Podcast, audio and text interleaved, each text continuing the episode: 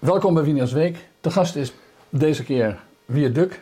Uh, Wiert en ik kennen elkaar al uh, een jaar of bijna, Nou, bijna 40 jaar, denk dat ik. vrees ik ook, Siep. We zien elkaar ook vijf jaar niet. Maar, Eh, en wat eh, in dit geval eh, de moeite waard is, is dat, eh, eh, is dat, nou dat heb ik zelf meegemaakt, dat jij in het midden van de jaren 90, 80. 80 Ja. al belangstelling kreeg voor Rusland. Ja, Ehm, en vervolgens waar correspondent bent geweest in de jaren 90. Daarna ben je nog correspondent geweest in eh, Berlijn. Ja. Vervolgens nog in Den Haag. En tegenwoordig schrijf je over alles wat er maatschappelijk zich ontwikkelt, kun je wel zeggen. En de laatste tijd weer veel over Oost-Europa, Ja. Rusland en Oekraïne. mijn eerste grote zaterdagreportage, herinner ik mij, was vanuit Leningrad destijds over de Leningradse underground eh muzikanten, beelden, kunstenaars. En toen was jij chef eh, kunst bij Nieuws van het Noorden. En dat was In Groningen in het, in het Nieuws van het Noorden, ja. Ja, klopt. Dus dat gaat heel lang terug, 86 of zo. Joh. Ja. Dat is wel Eh, en eh, nou, in de jaren 90 zat jij dus zeg maar, in Moskou Ja. of in Tsjetsjenië, waar je ook maar zat. In diezelfde tijd eh, zat ik in Brussel en dat was de tijd dat de Sovjet-Unie uiteenviel. Ja. En eh, ja, dat is natuurlijk eh, actueler dan ooit. In die zin dat menigeen een verband legt met de huidige toestand van Rusland en Oekraïne. Met wat er in de jaren 90 of het eind jaren 80 in Rusland gebeurde. Ja, natuurlijk, ja. Dat hangt, hangt allemaal met elkaar samen. Ja. Misschien is het aardigst om te beginnen met, eh, met het eind van de jaren 80 toen, eh, en begin van de jaren 90. Toen al, alom, zeker in het Westen, werd vastgesteld dat de Koude Oorlog voorbij was. Mhm. Ehm, en dat er werd aangeno- aangenomen dat de voormalige Sovjet-Unie, die opgedeeld was in allerlei republieken, maar waarvan de grootste Rusland was, en dat die over zouden gaan naar het kapitalisme en naar democratie en wat iets meer zei. Einde van de geschiedenis, hè, zei Fukuyama. Precies. Eh, moeten wij niet eh, nu vaststellen dat die Koude Oorlog, als die ooit weg geweest was, dat die gewoon weer terug is? Ja, zeker. En dat het einde van de geschiedenis, hè, de overwinning van dat eh, neoliberalisme en democratie, bla bla, dat het natuurlijk allemaal flauwekul is geweest. Mhm. Ehm, en dat ook het Koude Oorlogssentiment in Rusland nooit echt weg is geweest. Overigens ook niet bij de Amerikaanse neocons natuurlijk. Ehm, hè, die hebben het altijd, ze zijn altijd blijven cultiveren, dat eh, vijandbeeld van Rusland. En dat het nu in he- alle hevigheid eh, terug is en op een nog veel gevaarlijker manier, omdat eh, we nu nou, in feitelijk eigenlijk in oorlog zijn zo ongeveer hè, op een haar na met de kernmacht. Rusland, dus met die oude Ja. vijand. Als je kijkt naar het sentiment van de Koude Oorlog, dan was het in het begin van de jaren 60 natuurlijk buitengewoon heftig. In de jaren 50 was het buitengewoon heftig. Eh, maar aan het eind liep dat wat af. Hè? Dus, Ja. dus in de tijden van de laatste dagen van Brezhnev en de dagen van Gorbachev. Eh, toen werden er allemaal akkoorden getekend met het Westen. Ja. En dus je, kunt niet zeggen dat in de jaren 80 er een heftig en acuut Koude Oorlogsgevoel leefde. Maar nu wel. Ja, en het- ik, ik heb nog zitten terugkijken naar die beelden uit die tijd toen. Hè, die, ehm, want we hebben nu, wat een cruciaal moment hier is ook wel. In hoeverre heeft het Westen destijds via de NAVO de Russen ervan gegarandeerd dat de NAVO niet zou uitbreiden naar het Ja. oosten. Dus ik ben de afgelopen weken natuurlijk al die teksten nog weer eens aan het gaan doornemen. En dan zie je die foto's van Kohl en Genscher met Shevardnadze, minister van Buitenlandse Zaken destijds van de Sovjet-Unie, en Gorbachev. En dan heb, je toch, dan heb je toch ook te maken met hele andere types, moet ik zeggen. Ehm, eh, als je nu kijkt naar Poetin eh, als een, eh, als een ehm, typisch product van de, eh, de, eh, de Sovjet-veiligheidsdienst, eigenlijk KGB, FSB. En de mensen om hem heen, ook hetzelfde type Havik. Hè, mensen die die was, eh, me- meestal al decennia kent, met wie hij is opgegroeid in Leningrad, Sint-Petersburg. Mhm. Die hij naar Moskou heeft gehaald. Dan heb je te maken met een hele andere generatie. Russen ook. die veel gevaarlijker zijn. Ze zijn, allemaal, ze zijn allemaal een jaar of 70, hè? Rond Ja. de 70 zijn ze allemaal. Ja, ze zijn nu allemaal zo halverwege Dus- dus de toen, 60. Toen waren ze Ja. jonge carrière-types. Die een hele carrière opgebouwd, Hadden. die, had opgebouwd zullen worden in de, eh, in de Sovjet-Unie. Ja. En die carrière is afgenomen, kun je zeggen. Ja, daar komt het op neer. Ja. Hè? En dan, eh, en, de- precies. Ze waren natuurlijk het zwaarte schild van de Sovjet-Unie. Daar waren ze ook trots op. Want de KGB was een van de weinige functionerende eh, instituties in dat land. Hè, dat land was natuurlijk in alle opzichten was het een moloch. Die volstrekt fout georganiseerd was. En hè, met die staatsplanning en zo. Dat, dat was allemaal gewoon. Dat, dat lukte allemaal helemaal niet. Maar de KGB functioneerde wel. En, uh, en uh, Poetin wilde ook niks liever als jongetje dan in die KGB. Hè. Hij, is ook keer, hij heeft echt zich aangemeld en zo, toelatingsexamen gedaan. Uiteindelijk mocht hij dan binnen die KGB komen.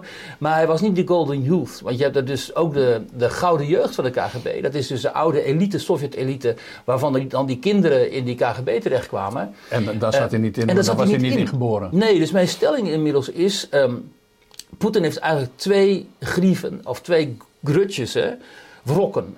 Dat is die tegen het Westen, want toen hij in de DDR in Dresden bij de KGB zat, toen stortte dus uh, dat uh, Oost-Duitsland in. Hè, en toen kwam notabene die bevolking, die, die mensen die wilden, die wilden uh, in, informatie over uh, over, vanuit de Stasi. Hè? Dus uh, wat, wat er, um, hoe zij waren gedocumenteerd door de Stasi. Wat er in de Stasi-archieven zat. Precies. Over hen zelf. Ja, precies. Ja. Dus die uh, gingen naar die gebouwen toe. En die gingen op een gegeven moment trokken ze ook op naar het gebouw van de KGB. Dus naar Poetin. En toen belde hij naar Berlijn, naar, de, naar het Rode Leger in Berlijn. Schiet mij te hulp. want ik heb hier een enorm probleem. En die telefoon was dicht. Dus hij werd niet beantwoord. En toen moest hij zelf naar buiten met zijn pistool in de aanslag en zeggen van jongens wegwezen hier. En uh, dat is een cruciaal moment geweest ook voor Poetin. Dat hij belde naar Moskou eigenlijk en Moskou antwoordde hem niet. He? En hij verwijt dat het Westen enorm, dat het Westen zo'n druk op de Sovjet-Unie heeft kunnen uitoefenen en die Koude Oorlog heeft gewonnen. Zozeer zelfs dat Moskou hem als KGB'er niet meer kon antwoorden. Weet je? Dus dat is die, grop, die, die grief tegen het Westen. Ja, waar, en een, ook, waar een heel zwaar element van vernedering is. Een heel zwaar element van gekwetstheid en echt complete vernedering. Ja. En, die, en mijn theorie is dat hij ook een wrok koest tegen die Sovjet-elite. Omdat hij vindt dat hij ook door hen in de steek is gelaten. En omdat hij vindt dat die Sovjet-elite, voormalige Sovjet-elite destijds in de jaren negentig, uh, Rusland heeft uitverkocht. Uh, aan het Westen, hè, want het Westen kwam daar, weet je wel, IMF, World Bank. zij gingen even besluiten voor die Russen hoe ze die economie moesten regelen. En uh, dat hele neoliberalisme, zeg maar, kwam als een soort, soort golf, een soort tsunami over Rusland. Wat toen trouwens gewoon liberalisme heette. Toen heette toen gewoon liberalisme. In ieder geval was foute boel. En enorm veel Russen, miljoenen Russen verpauperden natuurlijk volledig. Terwijl een deel van die voormalige Sovjet-elite, die oligarchen en zo, die gouden jeugd die verrijkte zich, ook vanuit de ja. KGB.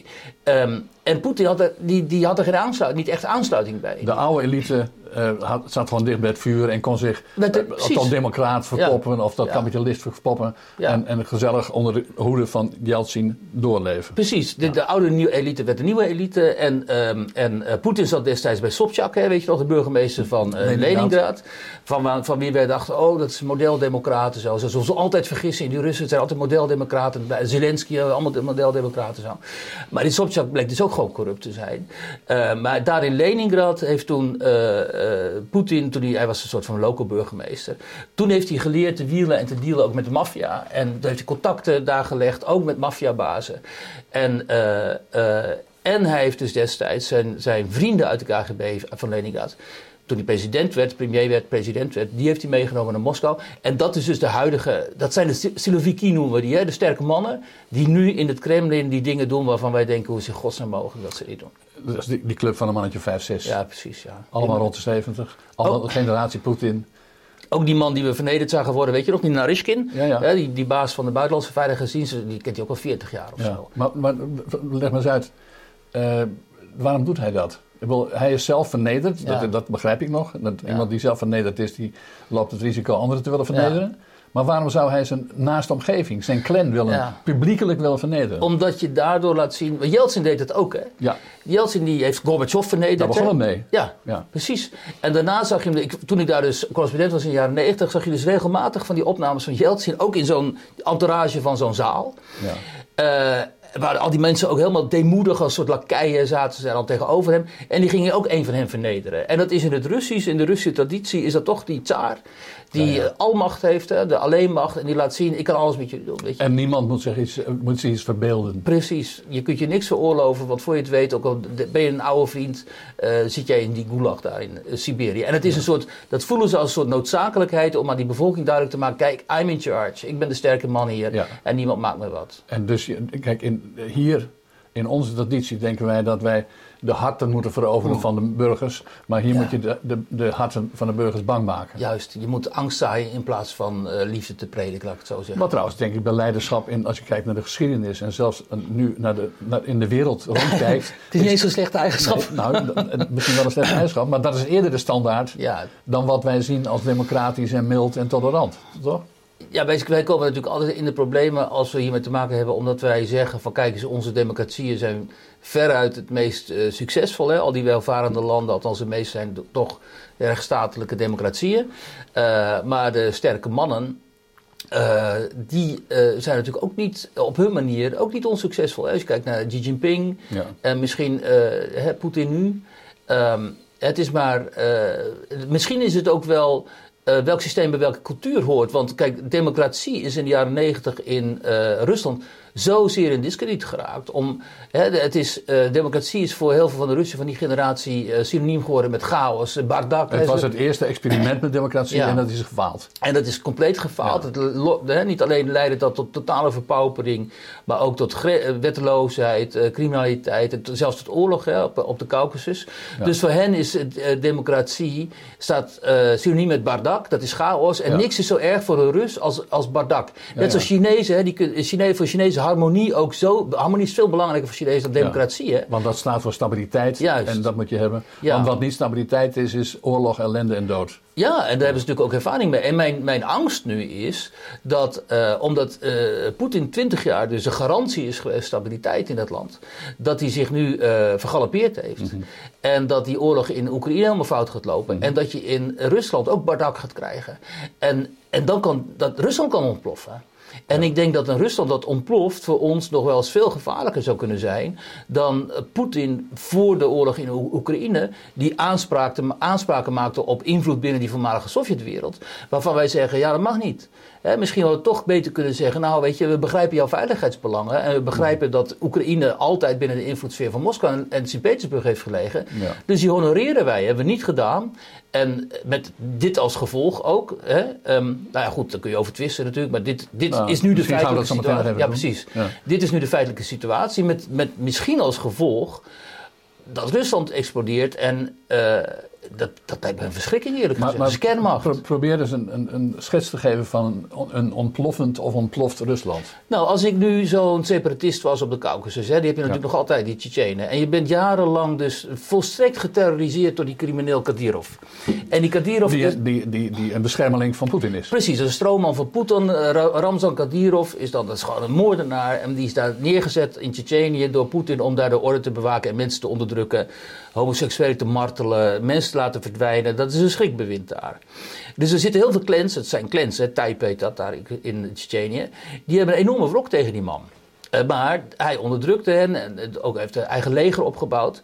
Stel nou dat legertje dat hij naar eh, Oekraïne heeft gestuurd, dat Nou, dat weet niet iedereen, maar de, het is aannemelijk dat er een, een Ja. clubje van een paar duizend man, denk ja, ik. Nou, ja, duizenden, ja. Ja, van, van Kadyrov, dus die schurk van Tsjetsjenië. Ja.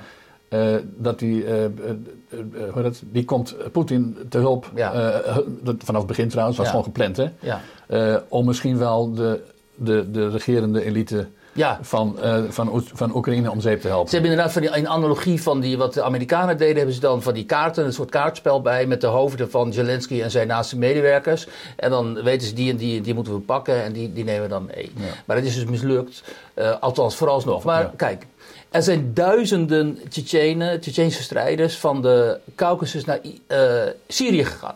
Waar ze met IS hebben gevochten. Nou, die zijn natuurlijk niet allemaal uitgegroeid, die zwerven daar nog. Ja. Die hebben een enorme wrok tegen die Kadyrov. En die willen meer oorlog. En die, die, Want dat die is- leven van oorlog. Dat is een, een- een leven, dat is een bestaan. De- hun bestaan is oorlog voeren. Ja. Dus die trekken van oorlog naar oorlog. Wie hen betaalt, daar gaan ze naartoe. Als die Kadyrov verzwakt, omdat Poetin verzwakt zometeen. Eh, en die Kadyrov raakt in de problemen. Wie, wie zegt mij dat die eh, voormalige IS-Tsjetsjenen dan niet denken... we grijpen onze kans, Tsjetsjenië is onze heimaat.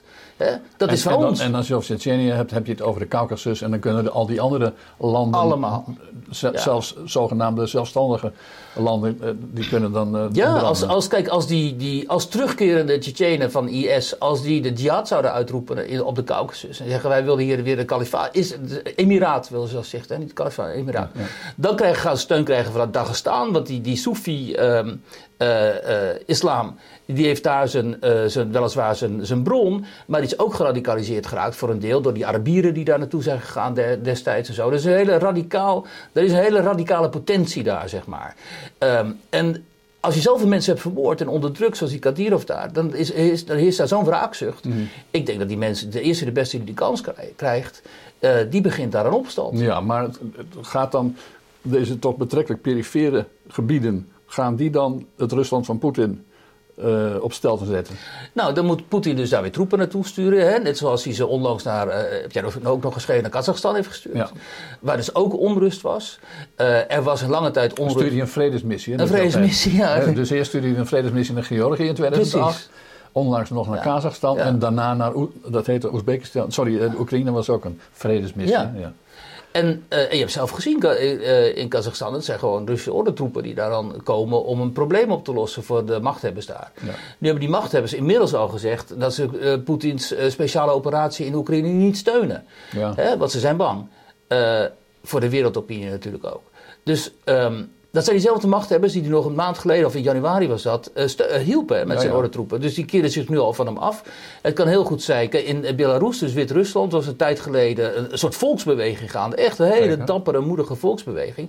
Het kan best zijn als dat hele project in Oekraïne misloopt, dat die mensen ook weer denken, we gaan weer de straat op. En mhm. zeker als die uh, militairen in Wit-Rusland zeggen, ja, wij gaan hier niet aan meedoen. Dus hoe dan ook, um, als dit avontuur mislukt, dan ligt hoe dan ook instabiliteit uh, op de loer in, in Rusland. En, één ding wat je niet noemde, wat je misschien, wat ik misschien een beetje verwacht had, dat is uh, met de westerse ogen die wij hebben, uh, dat wij denken dat er een brede democratische beweging is, een Navalny ja, maar dat gaat niet gebeuren. Nee, maar goed, dat, het lijkt me nuttig om dat af te vinken. Want als je alleen maar televisie kijkt, in Nederland bijvoorbeeld, dan denk je van nou, dat, die Navalny is daar de volksheld die onderdrukt wordt. En die is heel anders dan Poetin, denken we dan ook. democraten zo, ja. Maar dat is ook wel een nationalist natuurlijk, toch? Ja, dat is, eh, kijk, Navalny heeft gewoon echt bijna extreem rechts verleden ook. In ieder geval extreem nationalistisch. Hè. Die heeft ook een gegeven moment heeft zo'n fout filmpje gemaakt over die zwart, zwart konten op de Caucasus en zo. Dat was gewoon racistisch eigenlijk. Maar goed, dat heeft zich dan later van de, gedissocieerd. Maar het is natuurlijk... Maar, maar, maar Navalny is ook iemand die die niet uh, gratis uh, Oekraïne weggeeft aan het Westen. Nee, ook niet. Nee, absoluut. Heb je gelijk. Dat, ik denk dat hij dat een heel slecht idee vindt. Ja. Uh, maar het is ook niet zo dat hij nu een enorme volksbeweging zou kunnen starten, omdat hij daarvoor en te gecompromitteerd is en heel veel mensen toch niet in hem die volksheld zien. Misschien dat ooit in het verleden uh, Boris Nemtsov, die vermoord is, dat nog had kunnen doen. Hoewel die natuurlijk dan ook vooral die grootstedelijke elite achter zich zou hebben gekregen. Maar dat is het probleem met Rusland. Er is niemand om zo'n volksbeweging echt uh, te belichamen, zoals Zelensky nu in Oekraïne. Dus krijg je chaos. Snap je? Te gaan je kunt er donder op zeggen dat dan in Siberië gewoon. Stel die sancties, hè, die mhm. gaan echt knijpen dan. Dan gaan die uh, Siberi die Siberiërs, dat, die staan erom bekend, die gaan dan de straat op. Dan kun je ja. donder op zeggen, die willen brandstof voor hun auto's en zo. En die zijn altijd al opstandiger, re rebellerig en zo. Uh, dus die gaan er waarschijnlijk in Novosibirsk of zo, daar in die contraien gaan ze uh, de straat op. Ja. Misschien om de Caucasus die onrust. Misschien de, de grootstedelijken in Moskou en Leningrad of Petersburg, sorry, die dan dus ook de straat op gaan protesteren voor democratie. Dat is dan, maar, maar, maar een jaar laatst ligt er een belangrijke nadruk op. Dus waar komt de, de opstand, de, de troebelen uh, tegen Poetin vandaan? Dan zie ik toch dat het aan de rand van het oude Tsarenrijk is. Ja. Uh, dus, want laten we niet vergeten, Siberië is ook maar veroverd door het Tsaren, nietwaar? Ja. Dat is maar te zeggen. Ja. Dus, uh, en dat geldt voor een belangrijk deel dat geldt natuurlijk voor de Caucasus en al die andere. Ja, dat, absoluut, ja. Dat hoort helemaal niet tot, tot Rusland en zeker niet tot het kengebied. Het gaat om Moskou natuurlijk uiteindelijk, ja. Precies. Ja. Dus en, maar dat is misschien voor het verhaal ook niet onbelangrijk. Want als Poetin, dat, dat heeft hij duidelijk, duidelijk in zijn grote toespraak op de, uh, voorafgaande van de Oekraïne gezegd. Die oorlogsverklaring. Of die vijf, vijf, vijf kwartier duurde. Die vijf kwartier, ja. Bijna oorlogsverklaring, zullen we maar zeggen. Daar heeft hij ten overvloede nog eens zijn jongste inzichten over wat zijn drijfveren zouden zijn te beste gegeven. En voor menigeen zal het toch een verrassing zijn geweest dat hij daar niet uh, de, het, het, het, eenvallen van de Sovjet-Unie centraal stelde, maar het feit dat de Sovjets, de Bolsjewieken, de communisten, de eenheid van het oude Tsarenrijk ja. gaan. Dat was heel interessant. En, en, als je, en als je daarnaar kijkt, dan denk je van ja, uh, als hij dat doortrekt, dan, uh, dan, begint, dan is Oekraïne natuurlijk inderdaad een, een logisch uh, kenpunt in zijn redenering. Er hoeft helemaal geen, anders gezegd, hij heeft helemaal geen NAVO nodig. Of NAVO-dreiging nodig om vanwege zijn behoefte aan het herstel, de restauratie van het Zaren-territorium, om Oekraïne er per se bij te willen hebben. Nou, dat is heel interessant inderdaad wat je zegt. Ehm, eh, het hoeft niet te mislukken natuurlijk. Ook al staan ze nu vast in de modder, die Russen die zijn zo gewend om door te modderen dat ze uiteindelijk wel, hè, ondanks allerlei tegenslag en allerlei afgrijzelijke verliezen en toestanden zo, bereiken ze dat doel dan wel. Is het niet want, want Poetin heeft, wat we ervan kunnen denken, heeft een visie. Ja. En die visie is leidend en die visie die, die, die reken je niet af op een tegenslag van een dag. Nee, daar wil ik op komen. Hè. Heel interessant inderdaad in die speech dat hij niet zei... Uh, hij, weliswaar ah, refereerde hij nog even aan het feit dat hij vindt dat de ineenstorting van de Sovjet-Unie de grootste geopolitieke ramp van de 20e eeuw is. Maar toen vervolgens begon hij helemaal te renten. was ook wel... Ik zat echt te kijken, ik dacht oké... Uh, te renten over dat Oekraïne. En dat het eigenlijk helemaal geen. Dat is natuurlijk geen nazistaat. Goed, dat weten we ook wel. Dat is ook niet zo. Maar goed, uh, maar hij, hij hij gebruikte allerlei een beetje mythische componenten ook.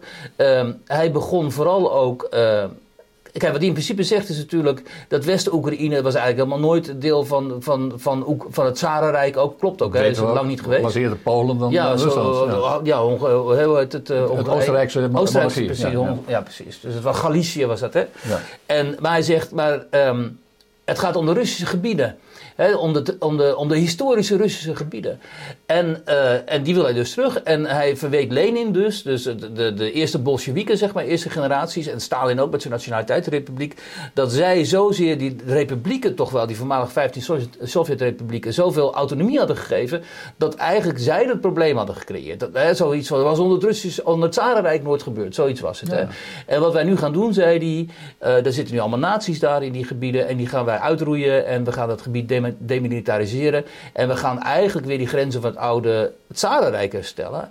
En dat betekent dat hij, en het, ik denk ook dat hij daarop uit is, dat hij eigenlijk West-Oekraïne gewoon maar laat zitten.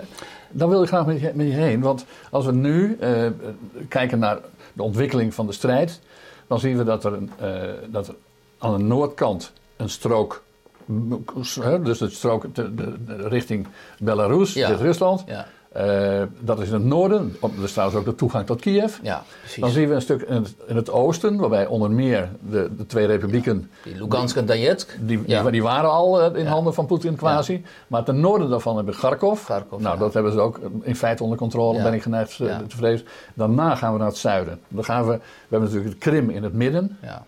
Uh, maar aan de kust van de Zwarte Zee hebben we ook nog Mariupol en Medipol, geloof ik ook nog daar. Ja. Nou, dat hebben ze in feite al, onder, tenminste... Gerson. Gerson, dat zit dus weliswaar ja. weer links op de kaart, links van de Krim. Maar natuurlijk ben ik geneigd te zeggen een hele belangrijke plek.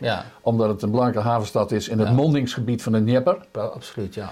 Dus dat is, als, ik, je hoeft, als je die, die lijnen zo zich ziet ontwikkelen, dan is die bezig om van wat er nog over is van de Oekraïne, om dat een landlocked gebied te maken. Ja, ook, ja. ja dus Oekraïne, als er nog Oekraïne overblijft, dan is een Oekraïne dat geen toegang heeft tot de zee. Ja. Uh, en dan pakt hij ruwweg voor de rest het alles ten oosten van de Dnieper. Ja, dat, dat is, dat, ik denk dat hij daarmee bezig is. Hè. En dan waarschijnlijk Kiev dan toch ook. Exact. Als, en, en, daar dus, en daar dus beide zijden van de Dnieper. Ja, ziet dat Kiev wordt eigenlijk zo door, doorspleten. Hè? Ja. En, uh, en ik denk dat hij dan uh, Lvov, hè, de oude Lemberg, heet ja. ook niet van iets oude Lemberg, weet Zeker. je wel. Dat hij daarvan zegt, oké, okay, weet je, laat dat maar zitten. En dan, uh, dan zal van daaruit wel een soort verzet gaan ontstaan tegen, tegen dit, dit, dit, deze nieuwe situatie.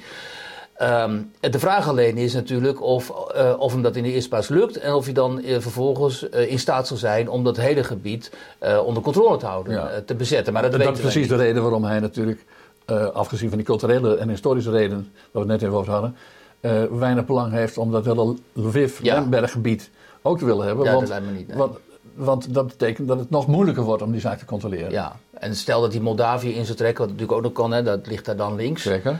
Dat zou nog wel kunnen, denk ik. Omdat het te klein genoeg is? Ja, klein. En dan heb je sowieso dat, dat rare Transnistrië, een soort Sovjet-reliek. Is dat, maar goed, dat hoeft hij niet te pakken, want dat heeft hij, dat, als hij wil, kan hij dat al controleren. Transnistrië controleert hij al. Nou ja, dat is inderdaad het punt. Als, als Oekraïne lukt, hè, zeg maar de, de, de, het neutraliseren eigenlijk van Oekraïne, dan heeft hij eigenlijk alle voormalige Sovjet-republieken behalve de Baltische landen die NAVO-lid zijn, heeft hij weer onder controle. Ja, Want hij heeft maar- overal zijn zetbasis zitten. Zeker, en de Baltische Republieken, die, eh, daar, in het historische beeld van hem, eh, staat niet 100% vast, dacht ik, dat we Nee, niet tot het klopt. Zarengebied moeten rekenen. Nee. En zeker niet tot het Russische cultuurbubbel. zeg maar Nee, dat, en dat kan eigenlijk ook niet, omdat er zo'n groot verschil is tussen eh, bijvoorbeeld Tallinn en Sint-Petersburg. Ook eh, zelfs binnen die geschiedenis van het, eh, van het Russische Rijk. Ja. In mentaliteit en in outlook naar het Westen en zo. dat dat wel te vergeven is dat je ook omdat ze NAVO-lid zijn, dat je daar dan geen aanspraak op gaat Ja. maken. Dat lijkt me wel een heel groot risico. Maar wat er dan nu gebeurt, is dat ze een nieuw ijzeren gordijn krijgen. ja, Dat wil zeggen, misschien wel het oude ijzeren gordijn, maar dan een paar honderd kilometer in het oosten. ja, dat denk ik Dat wel. is de werkelijkheid. Dat kan wel niet anders, hè? want als, hij, als, hij dus, eh, als het eh, hem niet lukt, dan zitten we met een enorm probleem, omdat dan eh, waarschijnlijk wat ik zei, Rusland gaat destabiliseren. Dus Ja. dat is voor ons ook enorm gevaar als kernmacht. Als het hem wel lukt, dan zitten we in een situatie waarin hij niet meer onze tegenstander is, maar onze vijand. En dan zitten we inderdaad met dat ijzeren gordijn. Ja, maar dan zijn we dus terug naar, naar de tijd van Stalin eigenlijk. Ja, daar komt het wel op de, de neer. naoorlogse de situatie, de, de situatie in 1948 1953. Eh, Ja. eh, waarbij, Ja. waarbij er een, een, een, waarbij er niet een koude maar goed, een, een, een, een voortdurende bijna oorlog is met een onberekenbare autocraat-heerser. Althans, wat wij onberekenbaar noemen vaak. Ja, en dan mogen we bijna ho- hopen dat de geschiedenis zich herhaalt. En dat na Poetin een soort uh, Khrushchev die toen aan de macht kwam. En Ja. die, die de detente begon, hè, de dooi. Ja. Dat zo iemand aan de macht komt die dan weer het gesprek met het Westen gaat eh, voeren. Vanuit de nieuwe status quo. Waarin Oost-Oekraïne deel is van, eh, van Groot-Rusland, zeg maar. Maar dat, dat leidt er dus toe dat we dat moeten zeggen dat de Koude Oorlog totaal terug is van weg geweest. En misschien wel eh, in een van zijn eh, gevaarlijkste varianten. Ja, denk het wel. Ja. Ja. Dat zie je toch andere eh, analisten ook wel zeggen dat dat, dat, dat zo is. Ja. Ja. Maar goed, Poetin die zal, die zal, lijkt mij, niet, gen- geen genoegen nemen met het, het herstel van de, de tsarengrenzen. Hij zal daarnaast ook daaromheen eh, niet accepteren dat daar eh NAVO-raketten staan. Ja, dat heeft hij dus dat, gezegd, hè? dat wil je ge- gedemilitariseerd hebben Ja. op een of andere manier. Ben ik net gezegd, toch? Nou ja, dat heeft hij dus. Kijk, eh, zo langzamerhand moeten we dus Poetin op zijn woord geloven, helaas. Ja. En dat in die, in die bizarre brief aan ons, aan het Westen zeg maar, waarin hij zijn eis op tafel legde, hè, voordat dit allemaal begon, eind vorig jaar geloof ik, heeft hij ook letterlijk gezegd dat hij niet, niet accepteert dat ik als Roemenië en zo, wat de NAVO-landen zijn, dat daar eh, raketten staan geïnstalleerd. Dus als, het, als hij succesvol is, kan het inderdaad zijn wat je zegt, dat hij eh, die landen ook gaat eh, bedreigen. En ehm, eh, Hij moet- was al een beetje bezig met Hongarije. Hè? ja.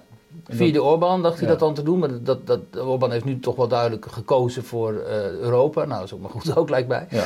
Ehm, en ja, ja da- en, maar kijk, dat is wel een interessant aspect natuurlijk. Kijk, Poetin heeft de afgelopen jaren ook via die propaganda enzovoort een soort eh bruggenhoofd opgebouwd in het Westen. Hè, met die rechtspopulisten. Voor heel veel van die rechtspopulisten, waaronder ook eh, Forum voor Democratie en zo, Ja. was hij toch heel lang zeg maar, de beschermer van dat eh, conservatieve, traditionele christendom ook. hè, Ja, ik heb dat nooit helemaal geloofd, eerlijk gezegd. Nou ja, maar zo werd mijn, hij dus mijn wel- analyse zou eerder zijn dat ze zo'n pesthekel hebben opgebouwd ten opzichte van de Europese Unie. dat iedere vijand van de Europese Unie vriend Hij is is. mijn vriend. Nou, ik- kijk, ehm, ik zie die intellectuelen binnen de rechtspopulistische bewegingen nog wel vooraan ook. Dat ze Poetins speeches hebben gelezen en zijn tekst hebben gelezen. Dat ze hebben gelezen eh, dat ze begrijpen wat het Eurasiatische project is, wat hij zegt eh, na te streven. Dat ze misschien ook wel eh, die Russische intellectuelen hebben gelezen, zo- zoals Berjaev en Ivan Ilyin en zo, waar hij zich op beroept. Hè? En, want eigenlijk, kijk, Poetin is hier de, de bad guy, de schurk, maar hij is wel een heel interessant ideologisch zeg maar, project eh, geformuleerd. Waarin hij Rusland als de, eh, de kernstaat van die Eurasiatische Unie ehm, heeft opgewo- laten doen opwerpen. En als beschermer van de orthodoxe volkeren Ja. eh, eh, in dat oosten. En ook als beschermer van die traditionele conservatieve waarden. En ik denk als je daar een beetje gevoelig voor bent als, als westerse intellectueel. En je leest dat. En je leest dat als een, ook als een kritiek op eh, die hele wokenbeweging die wij nu... eh, Die natuurlijk al eerder begonnen is met multiculturalisme. Precies. En, en de, de hele diversiteits de, de toestand. en Ook hè, globalisme, noem maar op. Hè, en, En het afscheid van de nazistaat, wat Ja, natuurlijk sommige partijen willen. En zo. Nou ja, dat, zie je zeker dat. De afscheid van de nazistaat ook. En ook, eh, nou, precies wat je zegt. Eh, dat je dan in dat, in dat denken van Poetin best een hele aantrekkelijk alternatief hebt kunnen vinden. Ja. Uh, alleen. Uh, moet, je, moet je wel je ene oog dicht houden. Dan moet je je ene oog wel dicht houden, want daar gebeuren allemaal misdaden. En met andere oog staat hij te oreren over hè, dat, ja. aantrekkelijke project, sorry, dat aantrekkelijke project van hem. Uh, en dat ene oog, dat, dat werd niet altijd dicht gehouden, waardoor hij in staat was uh, nee, dat ene oog werd juist wel dichtgehouden, waardoor hij in staat is geweest om in westerse en Oost-Europese landen een soort brug over te bouwen. Uh, uh, met die rechtsconservatieve. Ja, en ook gewoon bijna openlijk geld gaf, hè, met name ja, aan, ja. aan, aan, Le Pen in Frankrijk. Ja, absoluut. en in Griekenland heeft hij echt, hè, daar zitten gewoon van die oligarchen die, die echt met hem weet dat, uh, intensieve banden onderhouden. Ja, en ook een orthodoxe Grieken. Hè? Culturele, ja. De culturele traditie is ja, natuurlijk ook sterk in die richting. Ik en, denk dat mensen dat wel vaak en, en, hebben, en hebben we nog Cyprus, wat, wat eerst Grieks Cyprus was, ja. waar natuurlijk waanzinnige kapitalen uit, uh, uit, uit Poetins Rusland verkeren. Ik denk dat veel mensen in het Westen onderschatten. Kijk, twee dingen. In het Westen onderschatten natuurlijk heel veel, omdat we zo seculier zijn, mensen de kracht van de religie. En, uh, en, van geschiedenis. En van geschiedenis. Maar Poetin is erin geslaagd om die religie te instrumentaliseren. En ze begrijpen ook helemaal niks van de, van de orthodoxie. Dus van die Oost-Byzantijnse wereld. Wat we nu zien in Rusland gebeuren eigenlijk ook nu weer met al die intriges en zo. Spionnen die worden doodgeschoten. Toestanden, we weten niet wie wie is. Dat is heel Byzantijns. We zitten dus weer helemaal gevangen in die Byzantijnse wereld. Zonder dat we weten hoe we daar nu precies mee om moeten gaan. En waar ook, omdat, en waar ook verdomd weinig moeite voor gedaan is. Omdat, uh, veel te weinig, dat klopt, veel te weinig. En... Uh, dus weten we niet hoe we daarmee uh, mee moeten communiceren nu, omdat we waarschijnlijk niet eens weten met wie we moeten communiceren. Snap je? Nee. Uh, de, de, en het... of, of, de mogelijkheid de communicatie is voorbij, ja. omdat in die tijd dat het mogelijk was, bijvoorbeeld in de jaren negentig, ja. hebben we. Hebben we uh, hebben ze vernederd in plaats van de communiceren. Ja, absoluut. absoluut. En we hebben de, degene, we hebben mensen gesteund destijds, hè, al die oligarchen en zo, die uh, volstrekt corrupt en, corrupt en immoreel waren. En die, en die doorsnee Rus, die wel zijn kruisje slaat in die orthodoxe kerken zo. En die zich helemaal moest terugtrekken in zijn eigen, ja, in zijn eigen uh, uh, Russische geschiedenis en Russische cultuur en zo. Dat was dan de enige houvast toch vaak voor die mensen. Hè? Gewoon, daarom houden ze ook zo vast aan Russische literatuur en zo. Dat, dat zijn natuurlijk hun pijlers dan. En die religie werd weer heel belangrijk. En die keken natuurlijk naar het Westen en die dachten, wat een schofte, joh. Dat, dat was eigenlijk natuurlijk gewoon, wat een criminele schofte. Zo keken ze naar ja, ons. Ja, ja, en, dit is, en nu is dit is de ultieme vraag. Daarom zijn er natuurlijk ook zoveel Russen die ondanks alles Poetin toch steunen. Want hij denkt, hij neemt wraak op dat Westen dat ons zo vernederd heeft. En hij roeit ook nog even tegelijkertijd die Oekraïnse naties uit. Hè? Die ook nog een geschiedenis hebben, notabene, daar in West-Oekraïne. Van collaboratie met Hitler. Dus dat is waar, maar het, dat wil niet zeggen dat hun achterkleinkinderen ook al. Er lopen nog een paar, nog steeds neonazis rond. Maar laten we wel zijn, het morele gehalte van Poetin en zijn vrienden is niet veel hoger dan van neonazis. Ik vind het heel goed dat jij telkens, telkens deze site-opmerkingen maakt, want anders moet ik ze zelf maken. Nou ja. Maar dat klopt natuurlijk. Maar in de ogen van die Russische burgers en door die propaganda, die al jarenlange propaganda die gaande is over die neonazi-staat daar in uh, Kiev. Uh, kunnen heel veel Russische burgers dat niet, niet anders meer zien. En het probleem is natuurlijk dat uh, er destijds in de Tweede Wereldoorlog wel degelijk hè, onder die Stepan Bandera een groep was, uh, West-Oekraïners, vooral Oekraïnse nationalisten, die uh, collaboreerden met de, met, met de na, nationaal-socialisten. En die hebben natuurlijk in de, en in de Sovjet-Unie natuurlijk een enorm slechte reputatie gekregen. Want Zeker. wat is een groter icoon dan de overwinning in de Tweede Wereldoorlog voor de Russen, hè, of voor de Sovjets. Die hebben ons ook bevrijd. En, en uh, hè, dat is een heel groot moment maar, maar, wat er dan weer, ik ben weer even van een sideline ja. dan. Uh, wat er dan weer niet bij wordt verteld, is dat Stalin een buitengewoon beroerde reputatie had in Oekraïne, omdat hij ze bij miljoenen ja, uithongerde of vermoorde. Ja. Dus, en vergeet ook niet Molotov-Ribbentrop-pak, hè? Precies, dus uh, het is niet per se zo dat iemand die zich uh, onder die omstandigheden bij de Duitsers aansloot, nee. uh, zoveel slechter was dan degene die de Oekraïners vermoorden. Nee, alleen het kan heel goed gebruikt worden in de propaganda. Net als in de Baltische landen gebeurt natuurlijk precies hetzelfde. Ja. Hè? En in de Russische propaganda is het ook altijd tegen die Balten gebruikt. Van ja, maar jullie hebben gehuld met, met, met Hitler en zo. Ja. Um, uh, maar wat het vooral duidelijk maakt, is dat schematisch denken in dit soort conflicten heel fijn is. Zwart-wit denken, je kunt, je, dat, dat, dat wordt natuurlijk zowel door onze uh, media ook wel uh, vaak ingezet. Hè. De dingen zijn vaak zwart-wit. Nou ja, dan moet ik toegeven natuurlijk dat de Amerikanen er door de jaren heen ook altijd buitengewoon ja. sterk in waren. Ja. door nogal schablonenachtig de vriend van mijn vriend, die kent nou, die Ja. theorie. Eh, nou ja, goed, dat blijkt te werken. Ik wil Ja. nog eventjes terug, om- omdat, omdat we dat niet moeten vergeten, denk ik, naar die bufferzone die Ja. in, in, mogelijkerwijs aan ons, dat, dat Poetin die gaat eisen. En dat, wat, dat zou kunnen leiden tot eh, de eis tot demilitarisering van wat nu NAVO-landen zijn. Ja. Dus dat zou je kunnen vragen van de Baltische Staten. Dat zou je kunnen vragen, eisen, van Polen. Dat zou je kunnen vragen van, eh, misschien niet Tsjechië, maar wel van Slowakije. Roemenië. Roemenië niet vergeten en natuurlijk Hongarije. Ja. Eh, allemaal NAVO-landen. Ja. Eh, en, en daar zijn we nogal voortvarend, eh, hebben we dat allemaal NAVO-land gemaakt. ja. Eh, zonder trouwens op de Russische ziel te letten. Vergeet inderdaad niet voor de kijkers, hè, voormalige Wasjepaklanden, dus voormalige Oostbloklanden. Zeker. Binnen de invloedssfeer van Rusland en zelfs deel van hun voormalige militaire bondgenootschap. Ja, dus in 1991 werd het Warschau-pact geloof ik officieel opgeheven. Ja, in 1999 eh, zaten de eerste drie al in de NAVO. Ja, was het niet ze- ja, 99 of 97? Ik weet niet meer 99. precies. Ja, want het, eh, ik heb dat laatst nog een keer gereconstrueerd, Ja. zoals je weet. Ja.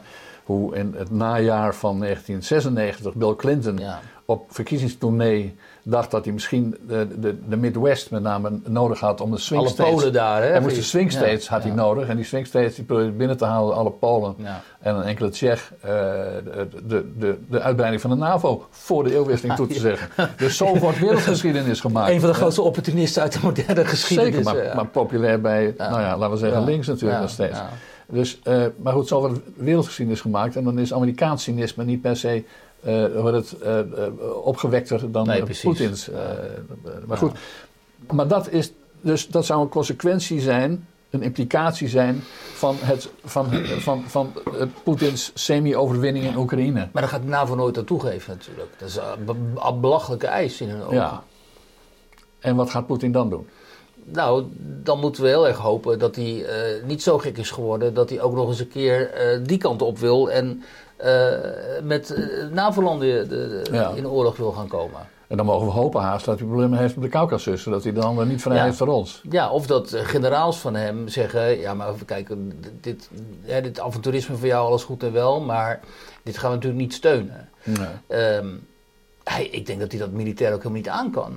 Hè, Als hij al zo verward, verstikt is geraakt in Oekraïne, Ja. wat moet hij dan nog in Polen en zo? En dan En krijgt hij enorm klop van de Nou ja, trouwens, en dat, dat, hij zal ook een bezettingsleger nodig hebben Ja. in, in Oekraïne. Dat- ook, ook al pak je maar twee derde of drie vijfde, Ja. maar dan heeft hij toch een permanente bezettingsmacht van dus dat 200.000 man nodig of zo.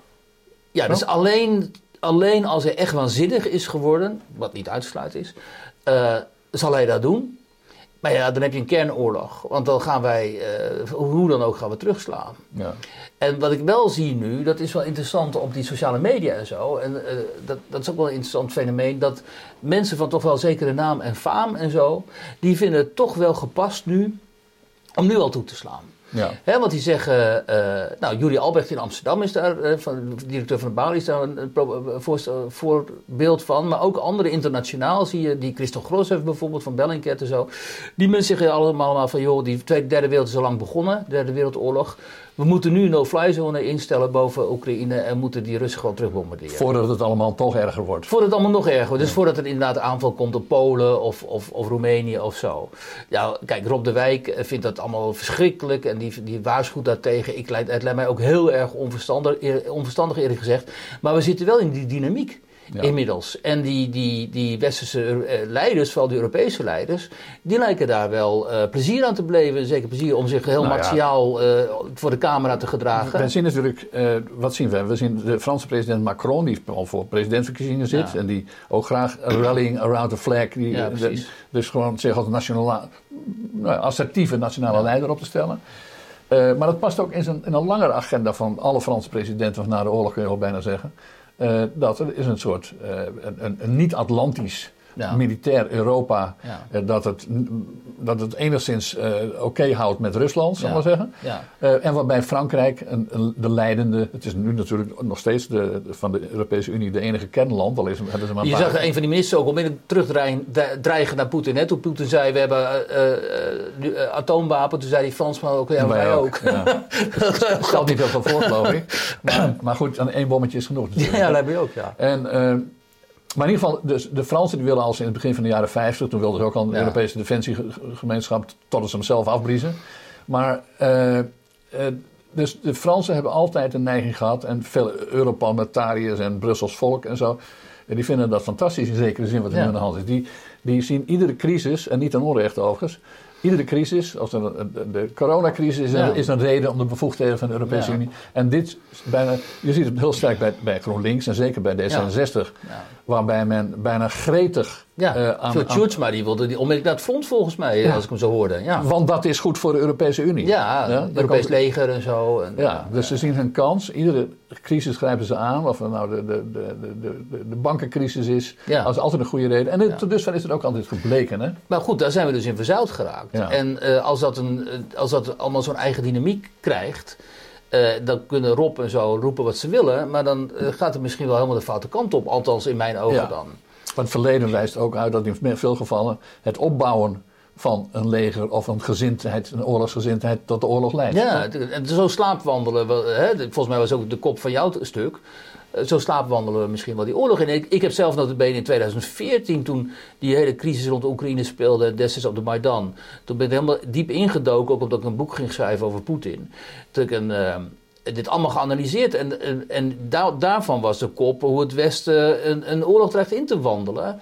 En acht jaar later eh, kan, zou dit wel eens uit kunnen komen. Joh. Ja. En dus was die, die, die, die, dat, die annexatie van de Krim was dan de eerste slag eh, in, in, Ja, in deze ja, geschiedenis. Is het Sarajevo Ja. van, eh, van, van Ja, 2022? ja, en de verdrijving van Jan, Janukovic destijds. Hè, want dat is een legitiem gekozen president. Dus wel verdreven destijds van, zeker, van zeker, zeker. Nee, in dat opzicht heeft Poetin gewoon gelijk. Ja, heeft, maar dat wordt ook nooit erkend. Hè? Wordt nooit gezegd. Dan gaan ze zeggen, ja, maar toen Janukovic... Hè, Janukovic was de, de voormalige president van Oekraïne. Die is toen verdreven onder druk van die volksopstand. Die weliswaar een soort van Russisch gezind was, maar wel op het punt stond om de associatieovereenkomst met de Europese Unie te ja, precies. Het heeft Poetin enorm druk uitgeoefend. Heeft hij toch maar niet gedaan. Daardoor ontstond die opstand. En toen hebben de Oekraïners hem verjaagd Ja, naar Moskou. precies. Ja. eh, het luid aangemoedigd door Weile Hans van Balen en Guy Verhofstadt Ja. en allerlei anderen die het allemaal een fantastisch plan vonden om die Ja. man, de legitiem gekozen president, te verjagen. Eh, want de OVSE had destijds de verkiezingen van Janukovic eh, gecheckt. En het waren gewoon reguliere verkiezingen. En dan, natuurlijk zegt Poetin dan van luister, eens, die naties in Kiev, want zo ziet hij ze dan, die hebben een, een legitiem gekozen president verjaagd. Dat kan niet. Dus heeft hij toen onmiddellijk de Krim ingepikt, want hij dacht al die bataljons Azov en zo, die komen zo, zo meteen naar de Krim toe. Ja. En dan verlies ik mijn, mijn eh, marinehaven daar. Dus dat is de, dan de Russische context. Ehm, en in die zin is dat inderdaad wat je zegt, het Sarajevo misschien wel van de, de komende grote oorlog. Ja. Waarmee de geschiedenis helemaal naar ons toe komt. Hè. We hebben nu- Ongelooflijk toch? Sa- Sarajevo Ja. is eh, 1914. Ja. We hebben het gehad over 1917. Dat is het einde van het Zarenrijk. Maar wat een belangrijk moment is voor, voor Poetin, weten wij. We komen terug naar, naar, naar eh, in feite de, de, de Cuba-crisis van 1962. Ja. We komen terug naar het einde van de Koude Oorlog, die geen einde was. Ja. Eh, van 1989 tot 1994, die periode ongeveer. Eh, het ijzeren gordijn eh, komt in feite weer terug. Dus het afschaffen van de geschiedenis, zoals menigeen graag doet. En het afschaffen van nazistaten, het afschaffen van geloof. Ja. Dat zijn allemaal buitengewoon eh, eh, eh, Dat is onverstandige naïef. en naïeve benaderingen van de werkelijkheid. Iedereen die in gebieden heeft rondgelopen als de Balkan en Rusland, maar vooral de Caucasus, Centraal-Azië en zo. De geschiedenis daar is gewoon volstrekt levende werkelijkheid. Hè? Als je in Georgië komt, je wordt om de oren geslagen met al die verhalen over allerlei slagen uit weet ik veel welke eeuw. Tegen de, tegen de Perzen, tegen de, eh, tegen de Russen, tegen het Tsarenrijk en zo, noem maar op. De Tsjetsjenen, het enige wat belangrijk is voor de Tsjetsjenen is hoe gaan ze die Russen klop geven. Want hè, dat deed die imam Shamil in de 19e eeuw immers. Ja. Hè, die, die, die nam het op tegen de Russische eh, de, de, de legers van de tsaar en die versloeg hun, vernederde hen. Is uiteindelijk wel opgepakt en zo. Maar goed, het, is dus een telkens de herhaling van al die veldslagen. Zelfs de slagen nu op het, ehm, eh, eh, in Oekraïne. Dat speelt zich af op de slagvelden van de Tweede Wereldoorlog. Kharkov, weet je, daar in Wit-Rusland, daar hebben de grote slagen plaatsgevonden. Dus die geschiedenis, dat wij zo onhistorisch zijn in het Westen en zo. Dat, Nou, in, in- niet per se overal in het Westen, maar bij uitstek in Nederland ben ik net. nou, misschien wel, ja. Nou, Amerikanen verdenk ik er ook van, eerlijk gezegd. Maar Nou goed, ja, hun intellectuelen Nou misschien in, minder. in Europa hebben we natuurlijk, is de, is de, de, de nazistaat, die, hè, dus zoals de oude Russen, zoals Poetin dat met Rusland wil zijn, Ja, eh, die kregen de schuld van de Tweede Wereldoorlog, Ja, zoals je ja. weet. En de oplossing was het opheffen van die nazistaten en dan dat allemaal integreren in een, een Ja. grote Europese staat, in feite. Eh, en dat heeft, daarmee heeft in Nederland de nazistatus terecht een reputatie gekregen. Uh, maar daarmee is hij nog niet weg. Dus we hebben gewoon met ons manier van geschiedenis doseren en analyseren hebben we on, een, een, onhistorische beeld van onze werkelijkheid ja, gecreëerd. Ja. En, en, en, ja, dan is het ook misschien niet zo vreemd dat binnen een paar weken uh, partijen zijn die, uh, die onlangs nog miljarden van defensie af wilden halen uh, voor het klimaat. en nu plots die miljarden weer aan defensie willen geven. Ja, dat is heel moeilijk. ik begrijp er helemaal niks van. Maar in Nederland gaat inderdaad de, de, zeg maar de, het begrip van de geschiedenis gaat, geloof ik, tien jaar, misschien hoogstens twintig jaar terug of zo, en dan houdt het gewoon op. Ja. Hè? Maar kennelijk ook bij die mensen die daar in de Tweede Kamer zitten. En die dan allemaal Slava Oekraïne gaan noemen. In dat opzicht zijn het gewoon wel volksvertegenwoordigers voor één keer dan. Ja, dan wel ja. Maar goed, Mark Rutte staat ook voor de Oekraïnse vlag. Hij had de Nederlandse vlag vergeten helaas. Hij had zelfs de Europese vlaggen niet staan. Maar alleen de Oekraïnse vlag. Roept dan ook uh, Slava Oekraïne aan het eind en zo. Het is allemaal zo van een enorme stompzinnigheid. Het is gewoon... Het is gewoon bijna niet te begrijpen. Hè? En Rutte is historicus. Hè? Weet ik veel, hij heeft heel lang geschiedenis gestudeerd, geloof ik, nog langer dan ik. Ja, dus, ja, um, een jaar of negen dacht ja, dus hij zou toch iets van die geschiedenis moeten weten. Of, ja. Maar ik denk eerlijk gezegd dat hij vooral, laat ik het netjes en vriendelijk zeggen, pragmaticus is. Ja, ja, ja. je kunt ook een woord met een O hebben. Maar ja, dat, is dan een minder nette vorm van hetzelfde. Vorm, ja. Maar misschien wel terechter eigenlijk. Ik vrees van wel, ja. Ik wil nog even afronden met iets wat ik nieuwsgierig naar ben ik ben natuurlijk sowieso in alles wat je nu kan uh, vertellen nieuwsgierig naar. Maar we hebben een tijd, als, ik denk dat je uh, rond 2014 veel op de buis was, veel in de media. Klopt dat? Ja, ja. Uh, omdat je, wat natuurlijk erg helpt, hebben we het nog niet over gehad, maar dat je ook in Berlijn nog hebt gezeten. Ja. en dus toen was er veel belangstelling voor jouw analyse, kun je zeggen. Uh, nu zie ik ook weer veel op de buis, maar niet bij de, of misschien zit ik er fout mee, niet bij de NPO, niet bij de publieke omroep, of wel? Nou, wel keer bij, uh, wel bij WNL, hè, dan ook wel bij Op 1 en zo. Maar ik ben nu meer, zeg maar, uh, gevraagd door de commerciëlen. Dan, ik mag dan bij VI vandaag dit conflict duiden. Nou, dat doe ik heel graag, want dan krijg je gewoon die drie mannen die vragen, stellen me allemaal vragen. Ik kan daar gewoon alles, alles uitleggen.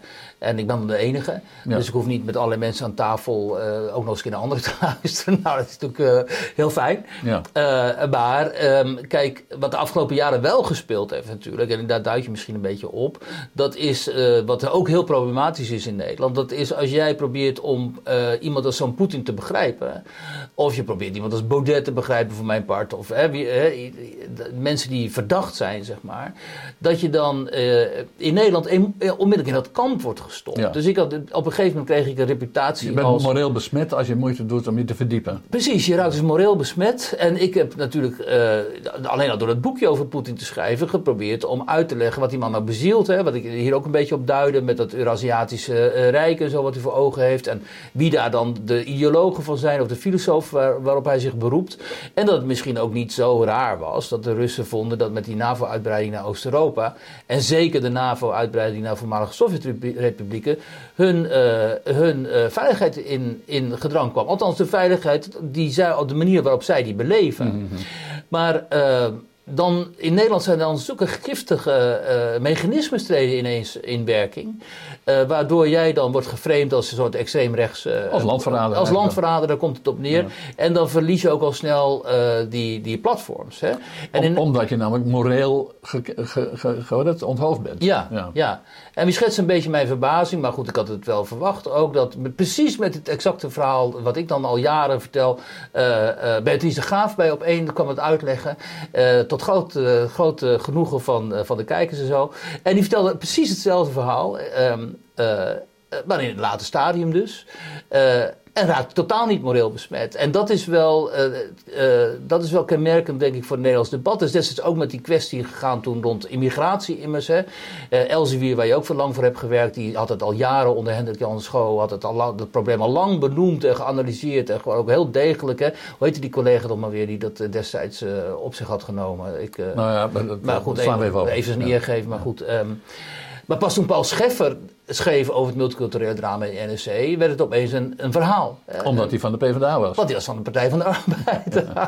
en zo gaat het in Nederland altijd. En, het gaat niet om de werkelijkheid, maar wie het vertelt. Precies, het gaat altijd om wie het vertelt. En, uh, en ik vind het altijd wel weer verbazingwekkend om dat mechanisme in werking te zien treden. Zeker, maar ja. als, je, uh, als dit allemaal bepalend zou zijn voor het verloop van de geschiedenis, dan moet je toch niet bij nadenken dat eh, dat een land als Nederland leidend zou zijn in zo'n wereldconflict. Want wat men een paar weken geleden nog vond, is het omgekeerde van het huidige. Ja, dat is een verschrikking natuurlijk. Hè? En een beetje moeilijk te begrijpen, want Nederland zo Calvinistisch is. Dus je zou zeggen, ze houden wel tot aan het einde vast aan hun dogma's. Ja. Maar dat doen ze dan niet. Op een gegeven moment dat is gewoon paradigmawisseling en dan gaan ze opeens helemaal de andere kant ja, op. maar dat hè? kan heel makkelijk als uiteindelijk het, het, het, eh, de richting gestuurd wordt door de Door de deugdzaamheid. Door de deugdzaamheid. Ja. En de deugdzaamheid trekt zich niks aan van de werkelijkheid. Dat is zo, ja. Maar het is heel jammer voor de kwaliteit van het debat, omdat wat je ziet, eh want ik heb het wel goed gevolgd de afgelopen jaren in Frankrijk, in Duitsland, ook in de Verenigde Staten.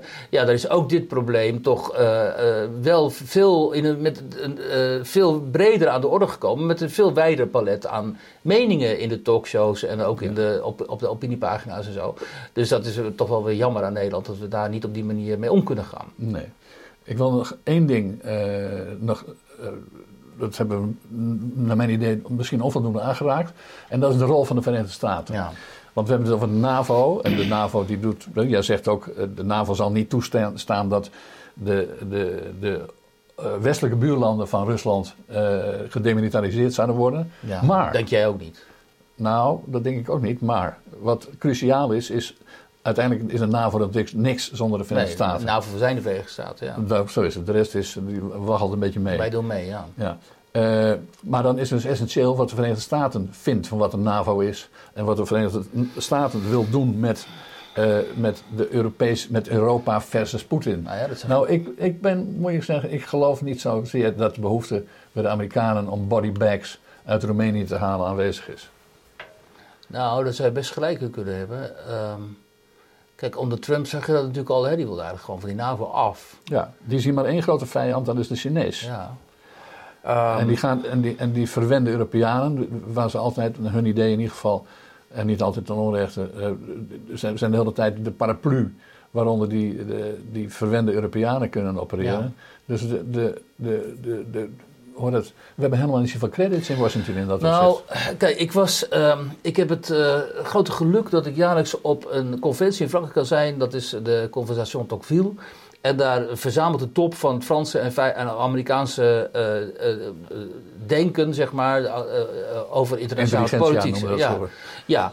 Ehm, en daar zitten er ook mensen die actief zijn geweest in eh, de politiek. Dus eh, Hubert Védrine zit daar dan. eh, en dit jaar kwam ik daar in contact. Voormalige minister van Buitenlandse Ja, van eh, Frankrijk. En eh, allemaal van die toppers die komen daar dan. En het is een aantal dagen, dat is echt waanzinnig interessant. Er zitten ook journalisten en, en, andere, en auteurs en zo. En ik leerde daar eh, Mary Kissel kennen. Die staat er ook op. En die, is, die was voormalige adviseur van Mike Pompeo over China. Zij is eh, China-kenner of Azië-kenner, eh, voormalig journalist. En met haar heb ik wel veel, veel gesproken. En dan wordt duidelijk dat het inderdaad, wat jij zegt, het gaat alleen maar om China. Dat hele Rusland voor hen en Europa is eigenlijk een soort lastige... Dat was 20e eeuwse ja. shit. Ja, Ja. dat, en daar wil ze eigenlijk vanaf ook. Hè? Dus we moeten, wat zij nu ook voorstellen, is Rusland totaal intimideren zodat het in, in zijn hok gaat zitten. Dus desnoods gewoon ook hè, dit, dit soort haviken. Doe maar bombardementen en zo zijn we vanaf. Want het echte gevaar is natuurlijk ehm, eh, China. Ja. En ik denk dat inderdaad niet één Amerikaan denkt... wij moeten in de bres springen voor Hongarije. Voor Polen misschien nog wel, want die hebben natuurlijk een hele belangrijke electorale basis daar. Maar Hongarije, Roemenië en zo, daar heb je gelijk in. Dus wij moeten nog maar afwachten dan. Wat, hoe zich, of de Amerikanen, maar dat, daar gok ik op. Dat de Amerikanen gaan zeggen: Oké, weet je, we kunnen leven met het Oost- Oost-Oekraïne. dat, dat, dat is dan zo, hè, ga je gang. Eh, maar we eisen dan wel die veiligheidsgaranties voor, eh, voor het Westen. En dat ze op die manier het gaan proberen uit te onderhandelen. Dus Ja. dat Poetin. Maar dan moet je wel een onderhandelingspositie hebben. En, en, en mijn persoonlijke indruk is dat Poetin helemaal niet bang is voor de NAVO. Sterker Nou ja. nog, hij, anders had het, als hij bang was voor de NAVO, had hij dit niet gedaan. Maar hij, hij is bang voor militaire, voor raketinstallaties Ja. op aangrenzende NAVO-landen. Maar hij is helemaal niet bang voor eh, dat de NAVO heet het, Oekraïne gaat. En misschien wel Roemenië ook niet gaat helpen, zou ik maar zeggen. Nou, ten eerste is zijn angstdrempel heel laag, dus, of heel hoog, is maar hoe je het bekijkt. Hè. Ja. Dat is zo'n fameuze rapport van de psychiaters van de KGB die hem onderzochten. En die zeiden toen, hij is heel geschikt, maar hij is voor, voor niemand bang. Dat is een Ja. probleem. Hij, moest, hij zou bang moeten zijn, maar hij is helemaal Ja. niet bang. Nee. Hij ging wel als een klein ventje op straat in Leningrad, ging met iedereen op de vuist. Hè. Gewoon ook met mensen, of jongens die dan veel groter waren dan hij. Hm. Dus hij is een beetje zo'n viking, zeg maar. Hij kent geen angst. Hij is eh, bereid om grote risico's eh, te nemen. Ehm, en, eh, en misschien heb je daar wel gelijk in. Maar ik we moeten uiteindelijk natuurlijk ook het Westen niet onderschatten. En ook ehm, de Amerikanen zullen zich toch niet laten vernederen door Poetin, denk ik. Weet je wel. Dat, dat is toch niet iets wat zij kunnen accepteren. Nou, maar hangt er vanaf waar dat gebeurt. De, de Amerikanen zijn ook pas de Tweede Wereldoorlog ingegaan toen de Japanners op hun eigen grondgebied Ja. bombardementen Ja. uitoefenden. Ja, En daarnaast, vanaf dat moment zijn ze natuurlijk, hebben ze een grote en voor ons erg belangrijke rol gespeeld. ja. Maar eh, eh, ik ben er niet zo zeker van dat de NAVO van de Koude Oorlog, van de oude Koude Oorlog, dezelfde NAVO is van de nieuwe Koude Oorlog. Nou, dat zou kunnen. Ja. Tenzij we het als een beschavingscrisis gaan zien. Ehm, Ja, maar daar ga je geen 500.000 Amerikaanse soldaten eh, mee opofferen. Althans, nee. Maar als je de westerse beschaving zoals wij die kenden moet redden, van die Byzantijnse barbaren dan in hun ogen die dan op ons afkomen, dan moet je wel iets doen daar natuurlijk. heb je gelijk in, maar daar moeten we er wel zeker van zijn of we het eens zijn over de kwaliteit van die westerse beschaving. En als we iets, het over iets niet eens zijn in het Westen, dan is het dat. Ja, dat is zo, ja. Ja. En we moeten ook heel erg bang zijn voor de manier waarop de hele die, die wokengekte natuurlijk ook Nou ja, maar dat is, maakt onderdeel uit Ja. van de beschavingscrisis die we hebben. ja toch? absoluut. Ja. Ja. En die heeft ook gewoon, hè, die is ook geïnfiltreerd binnen die Amerikaanse macht daar in Washington en zo natuurlijk. Zeker. En je hoopt dat uiteindelijk de, de rationaliteit wint en dat dan hè, de echte jongen, grote jongens iets voor te zeggen hebben, dat die dat allemaal van zich afschudden en gewoon weer de mannen worden die ze zouden moeten zijn. Ja. En opstaan tegen, tegen die bedreigingen. Dankjewel. Dank je. En kom nog eens langs. Ja, graag.